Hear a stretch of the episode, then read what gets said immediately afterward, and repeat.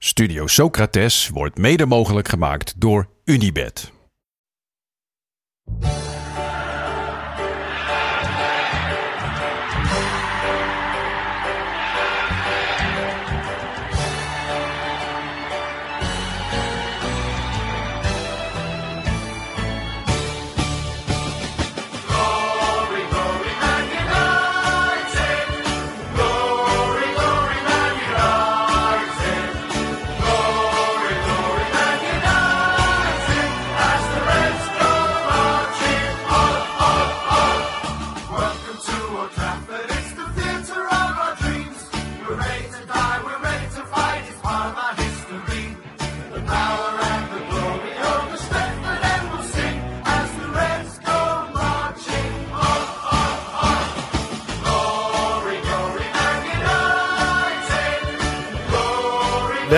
Bij Studio Socrates, een podcast over iconische voetbalteams uit het recente verleden.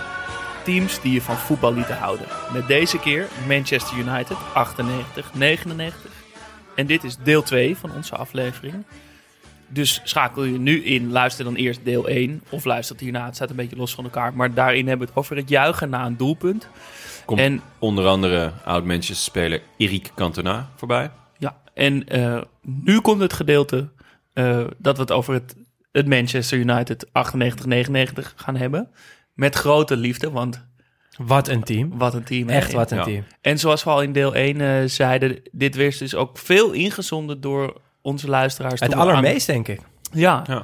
eh, toen we vroegen welke, welke teams we moesten gaan behandelen. Ja, En toen dachten we, nou dan geven we daar meteen gehoor aan. Nou, en ik heb ook even nagedacht van hoe komt dat nou? Hoe komt het nou dat dit team zo eh, bij onze luisteraars ja, tot de verbeelding spreekt? Ik denk, ik denk dat het ook een beetje te maken heeft met de gevoelige periode waarin je wordt gevormd als voetballiefhebber. Zeker. Ik denk dat dat tussen je zevende en je veertiende het meest is, denk ik. Ja.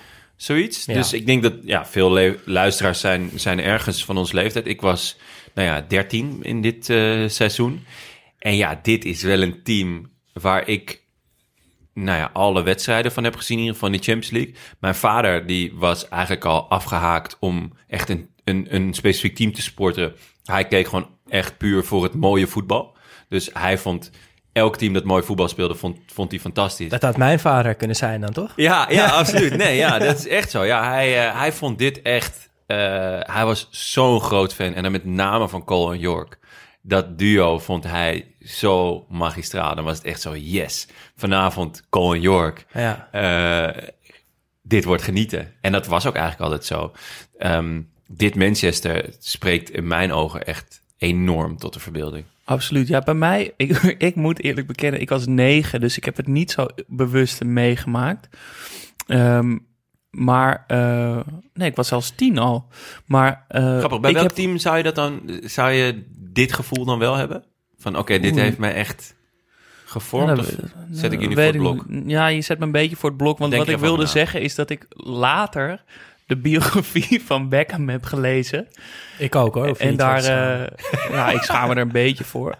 Eh, en daarin heeft hij het dus echt uitgebreid over dit team en die treble winnen en hoe belangrijk dat was en hoe, hoe groot die prestatie was. En toen heb ik denk ik met terugwerkende kracht is dit team nog mythischer geworden in mijn, eh, in mijn hoofd. Ah, het is ook de, het winnen van de treble is ook nog steeds wel heel weinig teams gegeven. Gebeurt zelden. Want het, En het is dus de treble winnen is dus drie grote prijzen: de FA Cup, de Premier League en de Champions League Ja. in één seizoen. Ja, we hadden twee weken geleden hadden we het over Inter. Die pakte hem in 2010. Barca heeft het gedaan. En die waren de, pas de zesde club Ja. ooit die het deden. Ehm, want ja, het, het gebeurt toch vaak dat als eh, clubs de, de Champions League pakken... en de Ergens laat je wat liggen. Dat, je, Ja. dat, eh, dat eh, de, de, de, de landsbeker, zeg Ja, maar, dat die er toch een beetje bij inschiet. Dus ja, ik vond dit echt wel een heel vet team. Dus let's go. De basis. Nee, Oh, nee. eh, ho, je slaat je eigen, je eigen winkeltje Ik over. wou het zeggen, dit, ik, heb, eh, daarom, ik ben even in de finale gedoken. Dat was het, ja. Ik dacht dat er komt een heel leuk stukje aan. Eh, ja, ik heb een quizje voor jullie, want ja, hè, 1998, 99 hebben we het al zo vaak over gehad. Hoewel. Windows 98 kwam toen uit. Super handig. Iconisch. Ja, zeker. Zeer iconisch. Eh, maar dat geheel tezijde. Ja, die, ja, dat vooral, dat geluidje. Dat zal ik er even in editen. Ehm, quizje. Over de, voornamelijk over de finale. Tegen de recordmaster.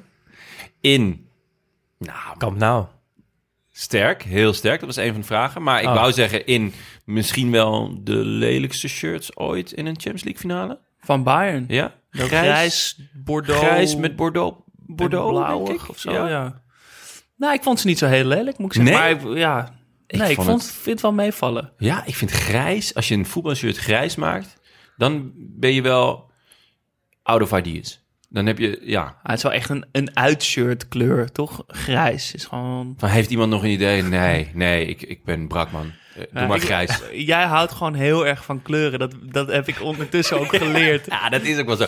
Maar er is ook een keer onderzoek naar gedaan. Hè? Dat, dat, eh, een rood shirt, dat dat het meest succesvol is. Dat is ook Ja. niet zo gek natuurlijk. Veel grote clubs hebben rood shirt. Ja, En dat, dat, een, een, een felle kleuren, dat het, dat, dat helpt. en dat het dus ook helpt voor keepers, felle kleuren, omdat je oog er meteen naartoe getrokken wordt. En dan dus ook automatisch geneigd bent om daar Ja. naar te schieten. Oh, echt? Daarom hebben ze altijd van die gekke pakjes aan. Ja, schijnt, schijnt. Heel vet, heel vet. Maar goed, eh, nou, één vraag hebben jullie al beantwoord. Kam nou, dat was, dat was goed inderdaad. Van waar was deze finale? Dat was niet de moeilijkste vraag eh, uit het quizje. Er komen nog een paar hele listige, kan ik jullie zeggen. Oh jee. Stellen negen stuks, negen vragen heb ik. Eh, vraag 1. Hoe vaak stonden Manchester United en Bayern vooraf aan deze finale tegenover elkaar in een officiële Europese wedstrijd? Nou, ik weet dat ze in de pool van dit Champions League seizoen tegen elkaar speelden. Dus dat is sowieso al twee. Ja. Ja. Ehm, maar jij gaat nu zeker zeggen dat het maar twee keer was. Ja, Ah. exact. Gewoon daarvoor nog nooit. Dat is toch Eh, opvallend? Ja. Voor zulke grootmachten. Ja, ik eh, had dat echt niet verwacht. Nee. Nee. Va- eh, ja, toch gewoon... Heel opvallend, ja. Nee, ja, en ehm, nou, waar werd het gespeeld, dat weten we dus al. Ehm, ik kom er zo meteen nog op terug, maar ehm, de finale werd gespeeld op 26 mei 1999. Exact 90 jaar daarvoor werd het grootste Manchester United-icoon ooit geboren. Wie was het? Bobby Charlton? Nee, Nee, eh, Bill Busby. Matt Busby. Matt Busby. Ja, Van de Busby Babes. de Busby. Ja, Die de naam ken ik Busby wel, maar ik weet dan niet wie hij Boys, is. Busby Ja, Boys. Busby Ja. Boy. Ja, hij was ehm, de, een, een, een legendarische Manchester United trainer in de jaren 60. Moet ik even uit mijn hoofd? Ja, jaren 60. Ehm, en hij heeft Manchester United eigenlijk groot gemaakt. Dus hij Ja. is een aantal keer met hun kampioen geworden. En op een gegeven moment is- heeft hij ook Europa veroverd. En toen is natuurlijk die verschrikkelijke vliegtuigcrash geweest... waarin, ik geloof, acht eh, selectieleden het, het leven lieten. Dus die, die zijn daarin overleden. En toen dachten ook veel, veel mensen van... nou ja, Manchester United, dat is geweest. Want ja, hoe ga je deze klap te boven komen? Maar x aantal jaren later eh, wonnen zij de eerste en de enige eh Europa Cup 1... tot aan deze avond. En dat was in 1968. En het was dus precies 90 jaar daarvoor was zijn geboortedag. dus dat was heel Mooi. vet. Ehm, we blijven even in de cijfers. Eh, want Teddy Sheringham, ik noemde hem al in de eh, intro van, de, van deel 1. Eh, en dan zei ik good old Teddy Sheringham. Want ehm, in welk jaar werd hij geboren? En ik zag dit jaar en daarom heb ik de vraag erin gedaan. Ik dacht echt, wow, dat is echt een heel andere tijd. geweest. Ja, Nou, de hij finale moet was in in 99, dus Ja. zegt dat hij... 40 was of zo al. Toch? Hij was dat, echt zou wel heel, dat zou ik heel opvallend Nee, hij vinden. was niet 40 dan. Nee, hij Dat was niet 40. Want hij 35? scoorde en hij was niet de laatste. Ja, hij, was, hij was 33. Dus hij is geboren in 1966.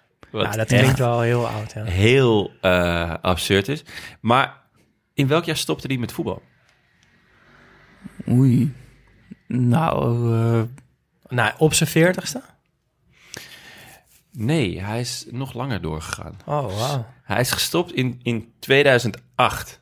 Dus hij heeft tot zijn 42 heeft hij gevoetbald jezus. op ja, op een gegeven moment wel bedenkelijk niveau. Maar ja, hij, hij stond er wel nog. Maar hij was En hier al een beetje een soort oude pinch hitter die ze Ja. er nog even ingooide als Klopt. het moest, toch? Hij was natuurlijk eh, de, de man altijd wel bij, eh, bij Tottenham. En eh, toen Menu opkwam, toen hebben zij hem aangetrokken. En, maar hij was inderdaad de oude, de oude sluwe vos. Die als, het, als het niet liep, als Cole en York hun, hun dag niet hadden... dan, dan werd hij van de bank eh, gehaald. Ehm, de volgende vraag. Wie floot de finale? Ja, dat weet ik. Ja? Ja, Colina. Klasse. Ja. En eh, wat voor weer was het? Nou, Spanje eind mei. Dus je zou zeggen, een graadje of 25. Toch nog wel? Maar s'avonds wel, toch? Ja, s'avonds. Dus moet je rekening mee houden. Ja, nou, ik denk, ik denk nou, nou 23 dan. Het was een droge, heldere lucht. 21 graden. Ehm, vraag 7. Wat was eh, de luchtvochtigheidsgraad? ja, dat is, Ja, Weet 80 ik, procent. Dat is hoog hoor. dat is, hoog. dat is heel hoog. Ja, ik, heb, ik weet helemaal niet wat een normale lucht Ik ook niet. Ja, dat weet ik ook niet, maar dit, ik, was, ik ben in die finale gedoken en dit werd gewoon ergens genoemd. 64 eh, procent. Ja, Ongelooflijk. ongelooflijk hè? Ehm, nou, genoeg over het weer, maar eh, wie was de man van de wedstrijd? Solskjaer? Beckham? Fout. Ehm Scholes en Keen waren er niet bij. Dus... Ja, Sheringham misschien dan. Ook niet. Mm, Nou, wie dan wel? Oh, Jasper is nog is ja, volgens mij, want ik, zit, ik heb iets gelezen over, toen ik me zat in te lezen over, over een verdediger die daar echt boven zichzelf uitsteeg bij Manchester en alles wegkopte. Eh, maar ik weet even niet meer wie het was. Het is niet goed. Ja, Dat nou, was Basler. Nou, Niet. wat een onzin. Ja, van de openingsgoal. van de openingsgoal. En eh, ik ga daarop doorgaan. Wat was er opvallend aan de, aan, de, aan de cup die Manchester United kreeg uitgereikt? Nadat ze deze eh, wedstrijd wonnen. Dat, eh, ik kan me zo voorstellen dat iets met het ingraveren van de clubnaam. Bijna. De, de kleuren van de... Er zitten altijd franjes aan, toch? En de kleuren van, de, van Bayern zaten eraan. Oh, en dat was dus omdat het al Ja. zo diep in Ja, de blessuretijd... ja, Het was natuurlijk de 91ste minuut en de 93ste minuut dat dit gebeurde. Dat die cup wordt natuurlijk op een gegeven moment geprepareerd. En Bayern was... Ja, je, je ziet altijd die beelden dan. Ja. Dat ze zo in de catacombe dat aan het ingraveren En, zijn. en ehm, de coach van Bayern had ook al een aantal publiekswissels gedaan. Wat ik bij 1-0... Eh, eh, want, Ja, want eh, even voor de duidelijkheid, voor de mensen die misschien niet meer zo op hun netvlies hebben staan. Ze scoren in de 18e minuut of zo, Basler, een vrije ja, trap. vij- Vijfde volgens mij. Of Vijfde nog eerder. ja, heel vroeg in ieder Echt heel vroeg. Het staat de hele wedstrijd 0-0. Bayern raakt volgens 1-0, mij, ja. of eh, 1-0. De Bayern raakt De drie keer de, de paal en de lat. Ja, en hoe? Ja. Komen we allemaal nog op terug, maar... Maar, en dan in de, dus in de 91ste minuut Sheringham en de 92ste minuut of 93ste minuut 93, eh ja. Solskjaer. Solskjaer. De, Met dat twee, teentje. de, de twee invallers. En eh, we, we gaan nu... eh, we lopen inderdaad op de zaak vooruit, maar het is goed om het even, even helder te hebben. Maar... Ja, we verklappen niks, toch? Nee, nee, nee. voor de mensen die nog in spanning zaten, Spoiler gaan alert, spoiler alert. Maar ehm, ja, dus, dus er was gewoon wel echt het idee van... nou, Bayern gaat hier gewoon de Europa Cup winnen. En daar was dus ook gewoon echt al... ook door de organisatie al tijdens de wedstrijd op voorgestudeerd. is ook niet zo gek. Nou ja, oké, maar stel Maar- dat er nog... Kijk, de kans dat er één doelpunt had gevallen... was nog steeds aanwezig en dan is het gewoon verlengen. En dan ben je alsnog eh, ben je vrij Ik vind, ja, ik Ja, het of ook- je denkt dat zijn Duitsers, die geven het niet meer weg. misschien. Dat zou je ook denken, maar ik vond het wel opvallend, toch? Ja, ik vind Heel het wel opvallend, schandalig ja. ook. Maar Ja, misschien proeft nou- het misschien juist nog wel lekkerder om die kleuren van Bayern omhoog te houden. Voelt het misschien wel beter Ja, nog. Misschien wel. Ja, dus eh dat was het. Mooi. Nou, was mijn dankjewel quiz. voor deze negen eh, bijzondere vragen. Luchtvochtigheidsgraad. Die ga ik nooit meer op. vergeten. Eind mei in Barcelona, luchtvochtigheidsgraad rond, nou, rond de 64. 64 procent. S'avonds, hè? S'avonds. Ja. Perfect voetbalweertje. Ja, als je dat sowieso. Oké. Dan eh, naar United. Ja, misschien goed om heel even kort een beeld te schetsen van hoe Manchester United ervoor stond aan het begin van het seizoen. Ehm, een jaar eerder greep Manchester namelijk naast alle prijzen. Eh, dat gebeurde ze niet vaak in die tijd. Eh, twee jaar daarvoor werden ze namelijk kampioen. Maar het seizoen hiervoor dus helemaal niks. Eh, Arsenal werd kampioen, die, die niet heel veel eerder Wenger hadden aangesteld, die met Bergkamp en Vieira eh goede spelers hadden. Ehm, en Menu had dus wat goed te maken. aan het begin van het seizoen. Ehm, Stam werd onder andere gekocht, komen we zo nog uitgebreid over te spreken. Maar ja, er, er borrelde wel wat. Want een Ja, jaar ze- zonder prijzen voor Manchester United in die tijd... eh, was niet wat de fans gewend waren. Nou, ze trokken gewoon de poeplap, toch? Ja, ze, ja, Gewoon nou ja, centjes. precies. Dus dat is nog wel even goed, goed om te weten. Dat ze in die context, Ja, na mager Ja, want, want jaren... Stam die kostte 11 miljoen pond. ja, En ook eh, Dwight York. Nou, Werd ook gekocht. Werd ook gekocht als eh, deel van het duo. Eh, en Schmeichel. ja. Best wel opvallend. Die ging... eh, Ze zei heel vroeg ja. al van dit wordt mijn laatste seizoen. Ja, en die had er natuurlijk jarenlang gekiept als een enorm gewaardeerde kracht. Ehm, dus dat speelde ook zeker mee. Dat iedereen wist dat dit zijn laatste jaar ging worden. Ja. Ehm, Maar dan komen we meteen bij de, bij de Ja, basis. ja. Eh, wie stond op goal? ja, onder Nou, de lat. Pieter Schmeichel dus. Ehm, ja, wordt gezien toch wel als een van de beste keepers ooit. Eh, heel groot, heel sterk. En wat ik overal teruglas is dat hij keihard was voor zijn medespelers. Dat hij echt enorm kon uitvallen eh, tegen zijn verdedigers of tegen zijn teamgenoten als die wat fout deden. Was enorm fanatiek. Ja, ik, ik kan, als ik je mag onderbreken daar, ik, ik weet dus de, ontstaan daarvan. Want hij, ehm, hij modderde een beetje aan in Denemarken. Hij had verschillende bijbaantjes, want hij was nog steeds geen eh, profkeeper geworden. Hij was schoonmaker in een bejaardentehuis en hij werkte in een textielfabriek en dat soort dingen. Maar toen kreeg hij een profcontract bij. Ik- Zo spreek je het echt uit. ik heb geen idee, maar met veel eh, V's. Eh, en daar speelde je meteen heel goed. Kreeg 40 tegendoelpunten in 30 wedstrijden. Klinkt als best veel, maar ze, voor een keeper in een, voor een ploeg Degradatie. Die die degradeerde, hè? degradeerde, Ja. is dat echt goed. Want ze degradeerden dat seizoen. En eh Schmeichel was ontzettend boos. Zei tegen de coach, ja joh, ik geef alles. Ik doe er alles aan om prof te zijn. Ik geef elke wedstrijd 100%.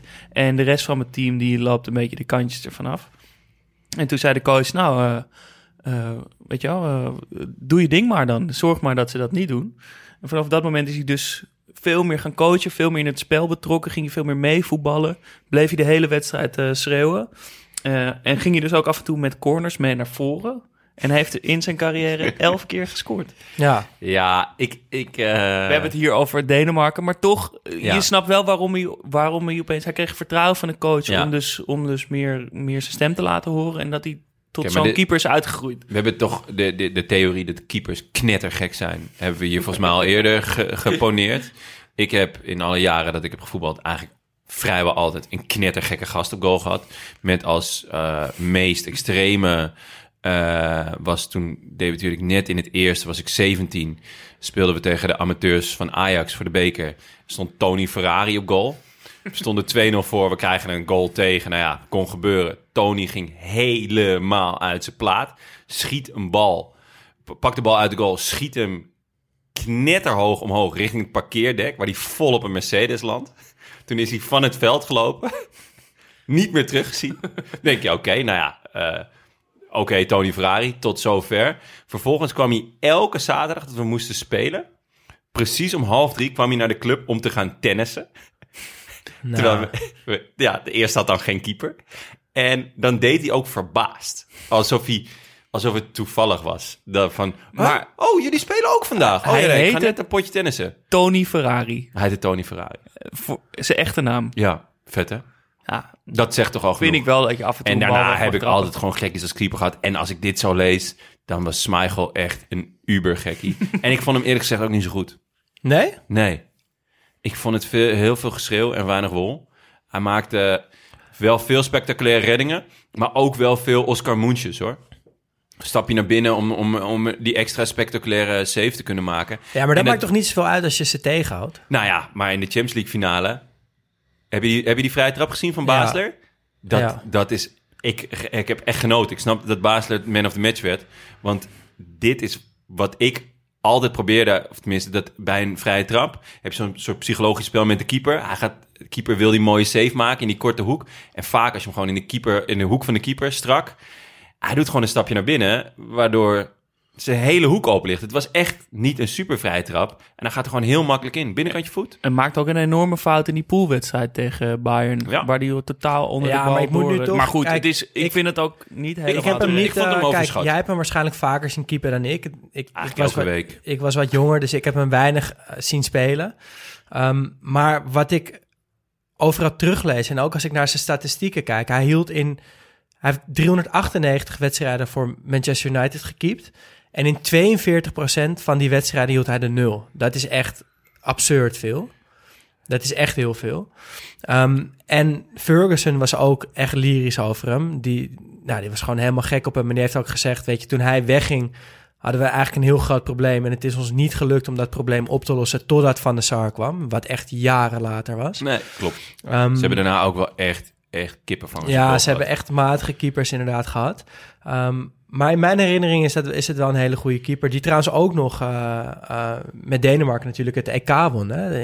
In zijn tweede jaar dat hij bij Menu zat, won hij in de zomer 92 Ja. met Denemarken het EK. Ehm, nou, in ieder geval een karakteristieke keeper. We- Never we a dull moment. Maar Ja, eigenlijk wil je dat niet bij een keeper. Dat is dus het Mm, grappige. Ja, nee. Eh, Da- als keeper wil je gewoon dat hij, dat hij gewoon ballen tegenhoudt, op de juiste Ja. plek staat en het liefst ook gewoon de bal geeft aan iemand die het wel kan. Ja, Ik bedoel, ja, je hebt van die keepers die ook al, eh, elke keer een assist willen geven. Dan denk ik, ja, het is je taak niet. Hou gewoon die bal Behalve- tegen en geef gewoon iemand die het kan. Als je Ederson eh, heet. van Ja, oké, dat is Ja. wel echt... En Sheila Fair. Die kon zelfs scoren. Ja. Maar, We, we gaan... eh, maar hij stond eh, bij die goal van Solskjaer... of bij van die van Sheringham staat hij ook al in het strafschop. Ja, maar dat is snap ik wel. Heel, heel normaal natuurlijk Ja, eigenlijk. Want het is is laatste, laatste minuut, minuut. echt alles of Maar het is niets. toch wel een iconisch beeld dat hij Zeker. daar Zeker. Ja. staat. En bij die tweede goal dat hij die kniesliding zou doen in zijn eigen 16, volgens mij is het nog. Dat hij daar in zijn Ja, en, die, en een eh, salto volgens mij toch ook? Ja, hij, Hij doet een, een- soort salto. ratslag met Ja. een salto. Ja, en dan, en dan juichen. Ja, Ja. dat was... Wel een mooi ook- beeld. Ja, Ehm, we gaan door. De verdediging op rechtsback Gary Neville.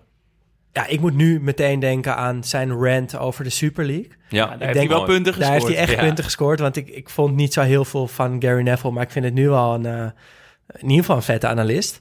Ehm, Bij Sky toch zit hij? ja, Ja. Ik, ik weet ook nog dat... ehm, Waarom is dat belangrijk? Nou ja, ehm, ja, dat was kritiek die daarop kwam, toch? Van, eh, van je zit daar zelf je zakken Ah, te zo. vullen bij Sky... en dan ben je nu tegen de Super Ja. Maar ik vond dat echt een beetje onzin. ja, dat vond ik ook onzin. Maar het, het is voor mij... In mijn hoofd heb je gewoon match of the day. En dan een Ja, zo. hele tijd niks. Ja. En, En dan dan. Joep Schreuder. Nou, hij, hij doet trouwens ook dat de, voor Ziggo heeft dat volgens mij dat soccerbox met Ja. Gary Neville, waarin hij oud teamgenoten en tegenstanders interviewt. Zo, En vet, ik vind echt, dat wel vet. echt heel ja. leuk, Ja. ja. ja. Ah, ik kan me voorstellen dat het wel, eh, wel Ja. vet is. Hij speelde zijn hele leven voor Menu. Precies eh, op 400 wedstrijden geëindigd. Ehm, en Is wat toch ik- lekker. Ja, is wel Ja, mooi. ja. En wat ik nog, eh, wat me, me meteen te binnen schoot, is dat zijn broer Phil is natuurlijk naar Everton gegaan op een gegeven moment. Ja. En er is één wedstrijd eh, dat, zij, dat Menu tegen Everton moet spelen. En dat Phil de aanvoerder is van Everton en Gary van Manchester. En dat ze dus allebei als eerste in de catacombe staan. En dat ze elkaar gewoon geen blik waardig vinden. Ja, dat heb ik ook gezien. Ja. Maar dat is toch ook een beetje een act? Nee, dat denk ik dus Nee? niet. Nee. Als ik nu een beetje dit team zo, zo eh, zie en een beetje me invoel in hoe die gasten waren. Ja. Volgens mij waren die Ja. gewoon fanatiek tot de dood gewoon. Ja? zelfs Ik- tegen je eigen broertje. dat Als je denk ik Roy. Keane je hele leven als aanvoerder Ja. hebt gehad, Ja. dan... Dan ga je daarin Ja. geloven dat het normaal is. Word je ook knettergek Ja. natuurlijk. Ehm, in het centrum, eh, Ronnie Johnson. Dit was iemand, da- dat zijn mij weinig meer. Mij ook niet. Een, eh, een Noorse speler, had nog wel een opmerkelijke carrière. Eh, ging namelijk van Noorwegen naar Turkije, naar Besiktas. Meestal doen spelers dat op het einde van hun carrière... al- al- ja, als de Ja. boel al een beetje is ingezakt en zo. Als het allemaal niet meer zo lekker Ja, loopt. maar hij deed dat vroeg. En Sir Alex haalde hem van Besiktas naar Menu... en speelde uiteindelijk meer dan 100 wedstrijden voor Menu... en was dit jaar echt een gewaardeerde kracht. Ja, een van de drie eh, Noren samen met Solskjaer en, daar komen we later nog op, eh eh, Nefland, Ja. Ja, En jij, zegt gewoon Groningen. standaard Sir Alex. ja Oké, ja, dat is goed. zeker. En terecht. Be, be- de- bespreken we hem vanaf nu? Sir Alex. Oké, ja. Ja.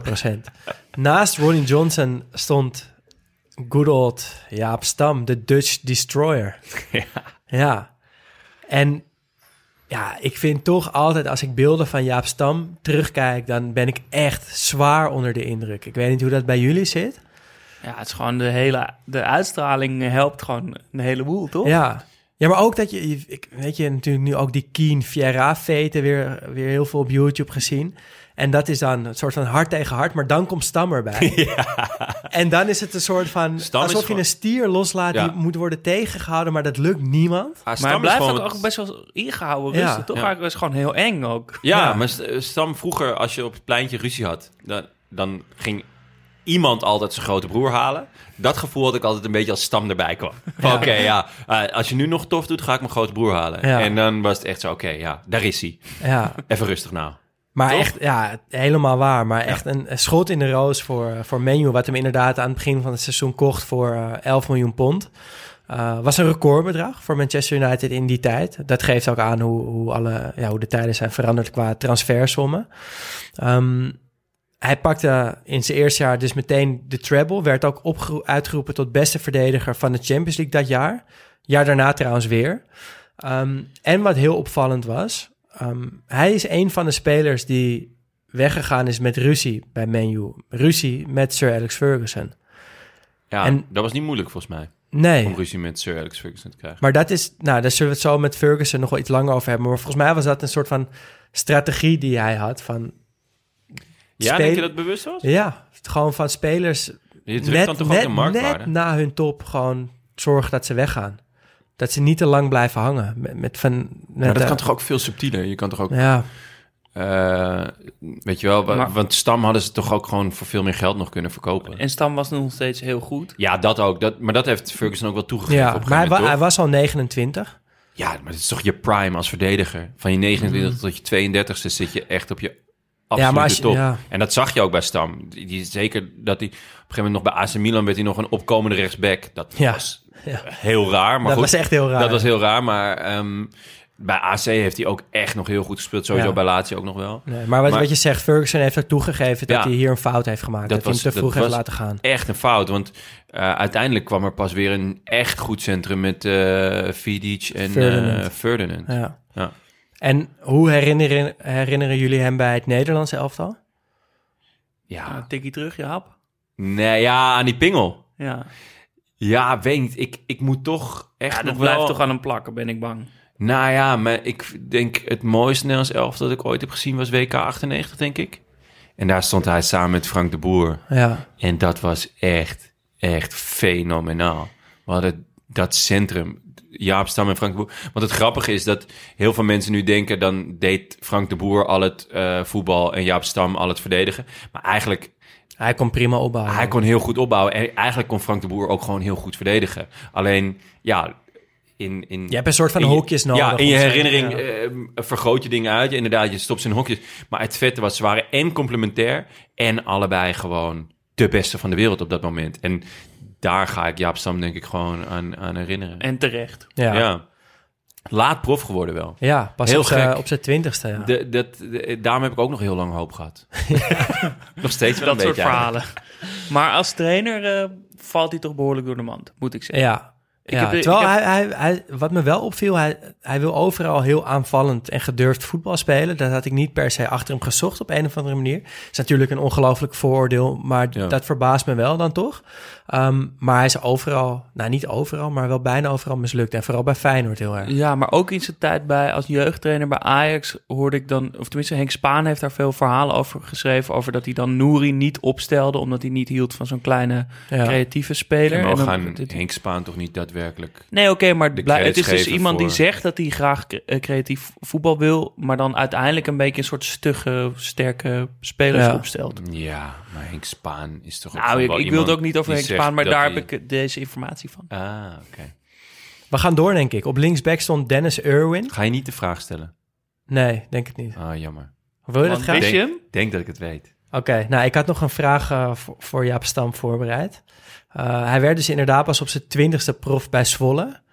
Ehm, maar bij welke andere Nederlandse clubs heeft hij nog Ja. gespeeld? Ajax en PSV natuurlijk. Ja. Maar volgens mij, en ik denk dat ik het weet, maar ik weet het dus niet zeker, is het Willem II.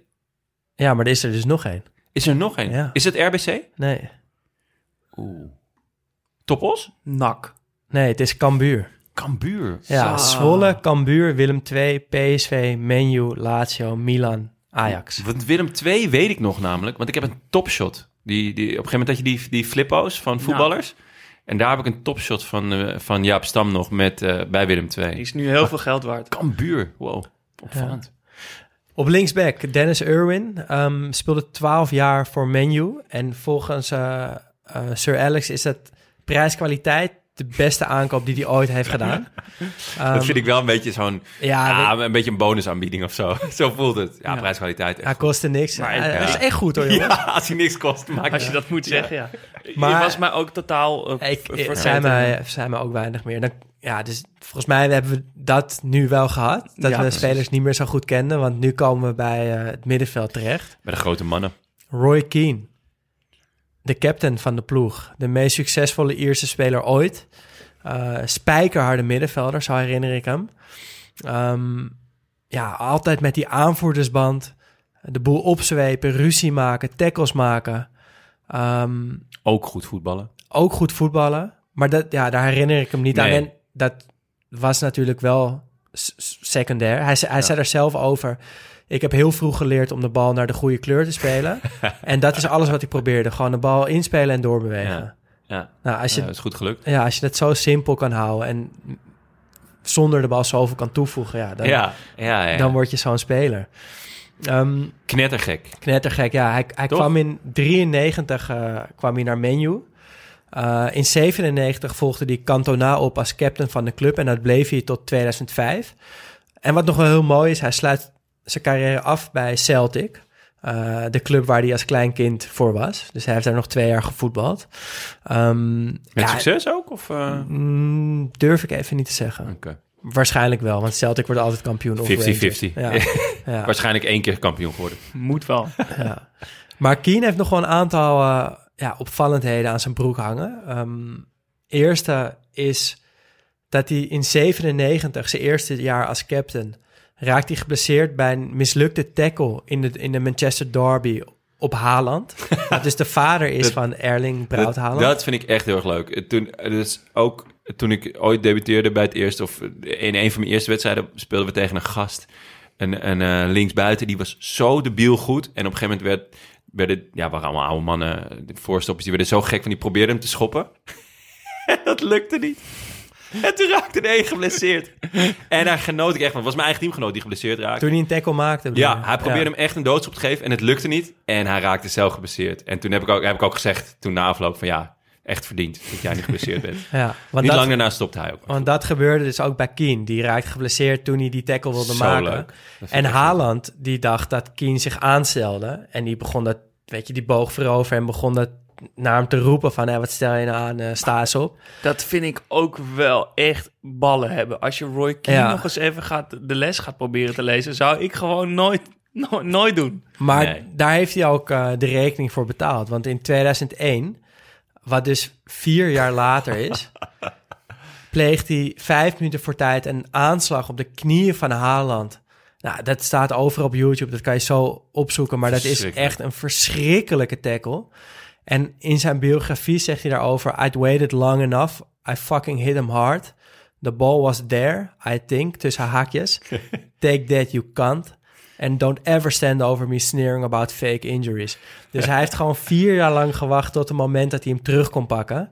En dat heeft hij, nou echt, volle bak gedaan. Die Oh, Haaland heeft man. nooit meer gevoetbald Nee, daarna, toch? Letterlijk niet. Gewoon Nee. echt niet? Nee. Ja, ik denk echt Wauw. dat, die, dat, dat Keane een boekje bijhield, toch? Gewoon met rekeningen, Ja. gewoon met turven en... Ja. eh, Echt Maar met Vieira knettergek. bijvoorbeeld, hè, dat is natuurlijk wat later, was dat altijd de battle, Keen Vieira. Ja.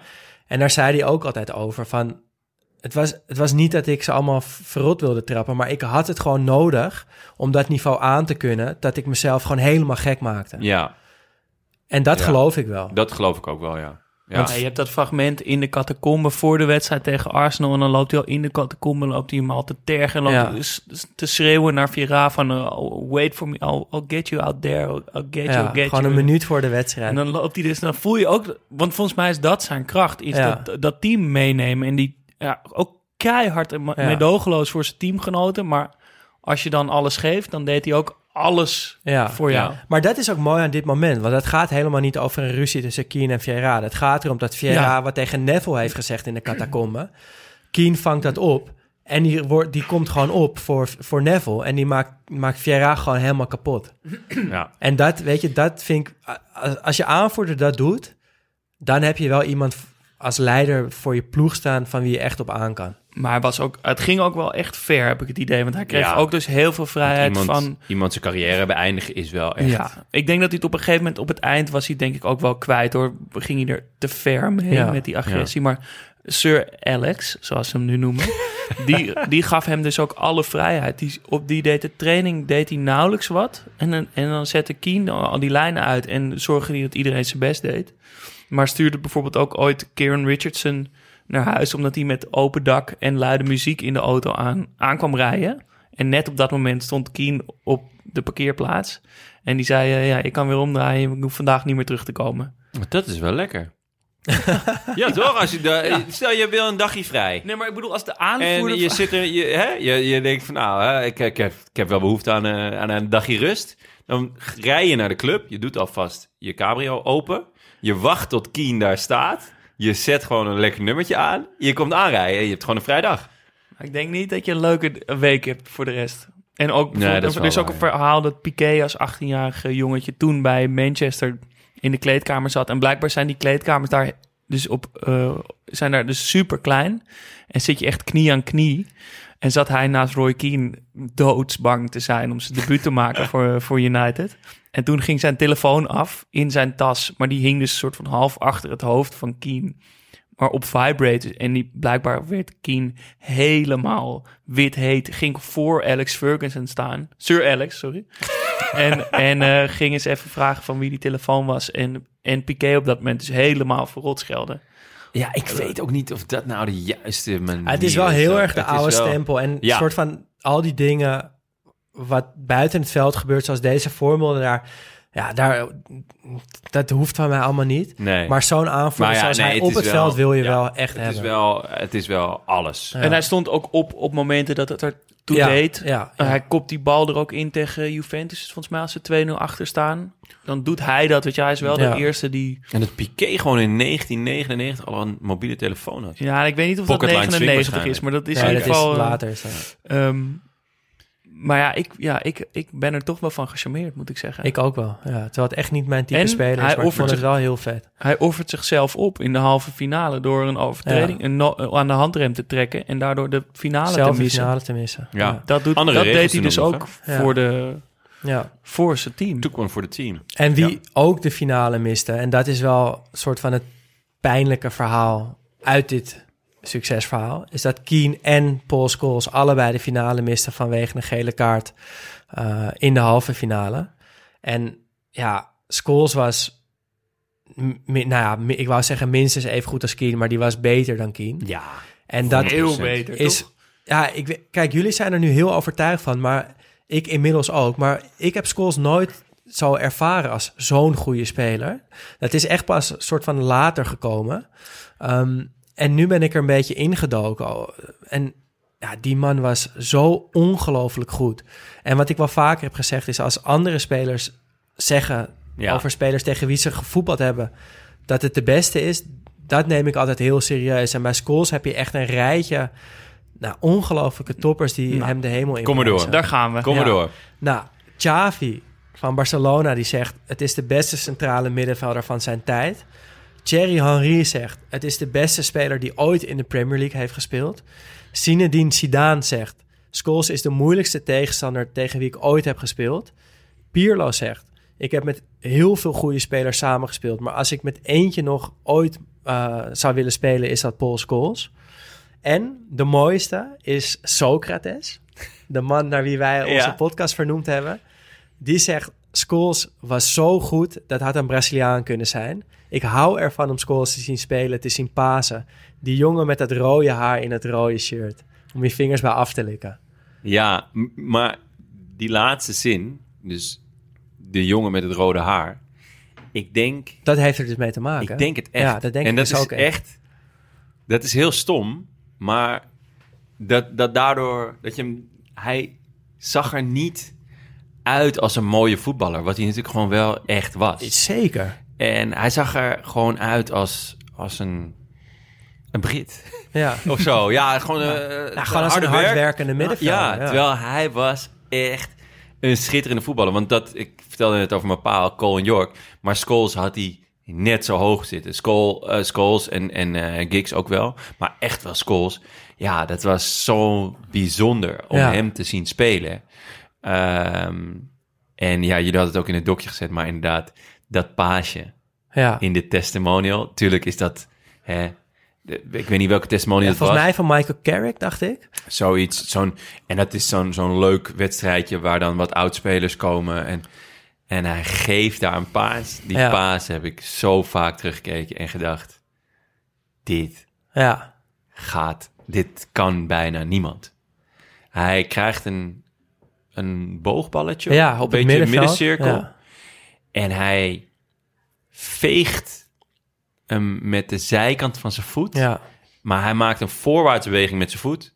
En de bal gaat naar achter. Ja. En dan weet je, hij komt perfect aan bij een medespeler. Dan weet je, wauw, Ja. dit is echt a whole different ballgame. Ja, want voor mij, ik moet, als ik heel eerlijk ben, is dus dit paasje is mijn startpunt geweest Oh ja, naar, naar hoe goed was Scholes nou. Want ik zag Ja. dit gewoon eh, heel veel jaar geleden. ja, Toen dacht ik, hè, doet Scholes dit nou? ja. En toen ben ik me een beetje gaan verdiepen in hem en kwam ik er pas achter hoe goed hij eigenlijk was. Ja, maar dat komt, ik denk dat hij ook, hij had namelijk natuurlijk eh technische en tactische kwaliteiten, maar hij was ook een loper. Ja, zeker. Dus Scoorde goals. scoorde goals. Dus het was ook eh, een box-to-box speler die je dus niet zo heel snel in het rijtje Zidane, Pirlo, eh, Ronaldinho, eh, Socrates zou zetten.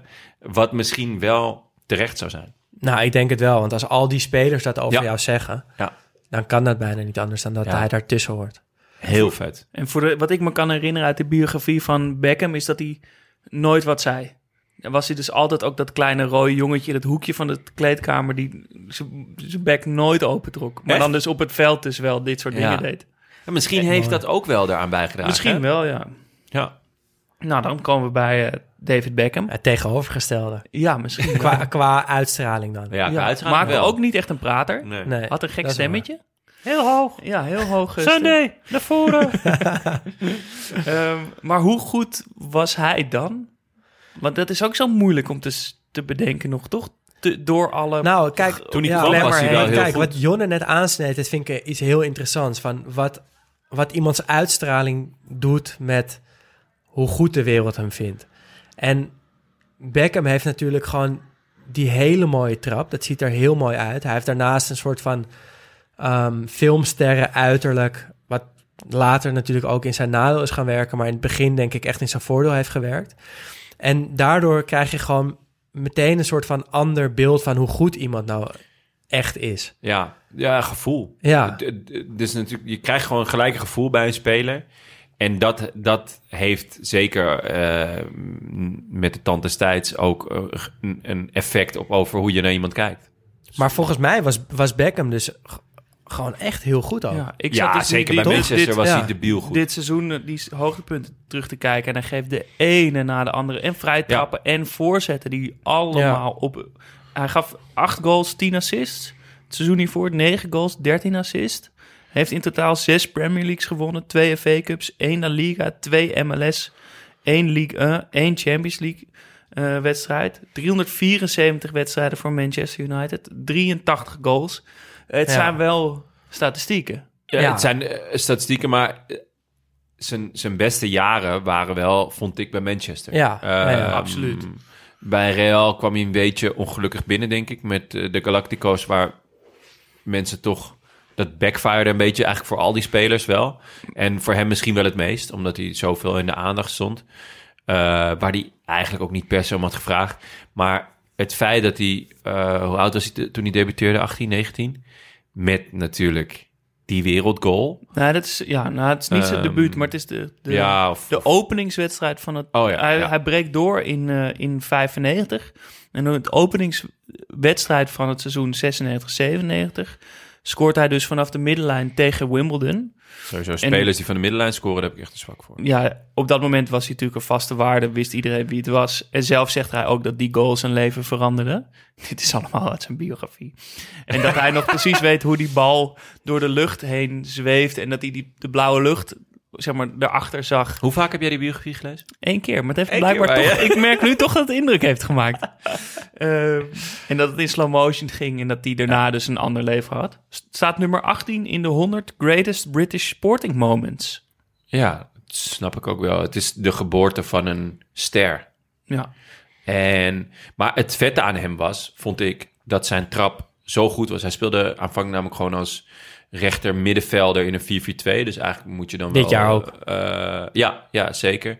Moet je dus dan de, de flank bestrijken. En hij was niet de tactisch eh, geweldig voetballer. Hij had ook niet een actie die met snelheid of zo. Maar had zo'n goede trap dat hij niet een man hoefde te passeren om toch een goede voorzet te geven. Dus hij kon hem er omheen krullen of hij kon hem er voorlangs strepen. Eh, en ja, dan ook nog met de looks en de babe die hij aan de haak sloeg. Ja. Eh, was het plaatje wel, eh, wel compleet. Ja, en wat voor, weet je, voor die fans ook nog eens te gek is, is dat hij, hij is een diehard Mancunian, de, Ja. van huis uit meegekregen. maar komt uit Londen volgens Ja, ja, ja. Maar al p- vrij vroeg naar menu, in ieder geval komt hij uit de jeugd daar. Ja, hij wordt op zijn veertiende door Fergie... Ja. Sorry, door Sir Alex zelf... Je hebt er nog wel moeite mee, hè? Nou, ik Sir gewoon bij zijn naam te noemen. helemaal, Eh, zelf getekend. Is dus ook onderdeel van die, van die hoe heet het, de, de Fergie Fletchies, geloof ik. Virgin, Ja. Fergie's Fledgies. ja. Ehm, Dat zijn dus die, die, die vijf jonge spelers die Ja. op een gegeven moment doorkomen. Beckham, de broertjes Neville, Scholes, Bud. Bud. eh, vergeet ik er dan nog Giggs. één? Giggs, ja. denk ik, ja. En dat is dan weer een verwijzing naar de Busby Babes. Precies. Ja. Dus, eh, Eh, maar kreeg ruzie met Sir Alex. Want had waarschijnlijk niet genoeg zijn best gedaan in een een of andere FA Cup wedstrijd. En Sir Alex schopte een voetbalschoen die in, op de grond van de kleedkamer lag naar hem toe. En raakte zijn oog en hij moest met twee hechtingen naar het ziekenhuis. Eh, ja, Ja, het maar klinkt wel, de, en net ook met, met eh eh, Keen, het klinkt wel heel oldschool allemaal, hè? Ja, maar vind dit, ik. Dat is het ook, toch? Ja. Oude, Ja. kleine, smerige kleedkamers. Ja. Een boze coach en een boze aanvoerder. Ja, doe maar normaal, doe je al gek genoeg. En dan eh, toch zo'n mooi boy ertussen. Ja, maar Ja. dat is dus die uitstraling. Want hij, hij, hij werkte zich echt het snot voor de ogen. Ja, het was geen luie speler. Nee, daar was viel echt niks op aan te merken. Ehm, ja, maar het is altijd een beetje moeilijk met hem geweest. Ook in het nationale elftal natuurlijk. Met die Ja, rode kaart in 98 eh, tegen Argentinië, tegen Diego Simeone... Tot, Oh. tot die vrije trap tegen Griekenland... waardoor ze wel weer naar het eindtoernooi Ja. gaan. Ja, Maar toen ook- redeemde hij zichzelf. Ja, en die pingel die die mist. ja. Eh, en dat, dit, eh, ik weet niet meer welke pingel dat was. Het was een belangrijke pingel. tegen Argentinië ook. En dan glijdt hij Ja. weg of zo, Ja. toch? Nou ja, hij, dat vind ik dus heel gek. Zeg maar, eh, puur technisch gezien nam hij zijn vrije trappen. Heel bijzonder om dat te zien. Eh, van Hooydonk heb het ook wel eens over gehad. Eh, hij neemt zijn vrije trappen. En als je hem stilzet op het moment dat hij de bal raakt... dan staat hij bijna in een hoek van eh eh, vijf, eh, 90, 90 graden, 45 graden? Nee, zo 45. schuin. Ja, Ja. 45, sorry. Mijn wiskunde B is niet helemaal een point. Geeft Vijf- maar hij staat heel schuin.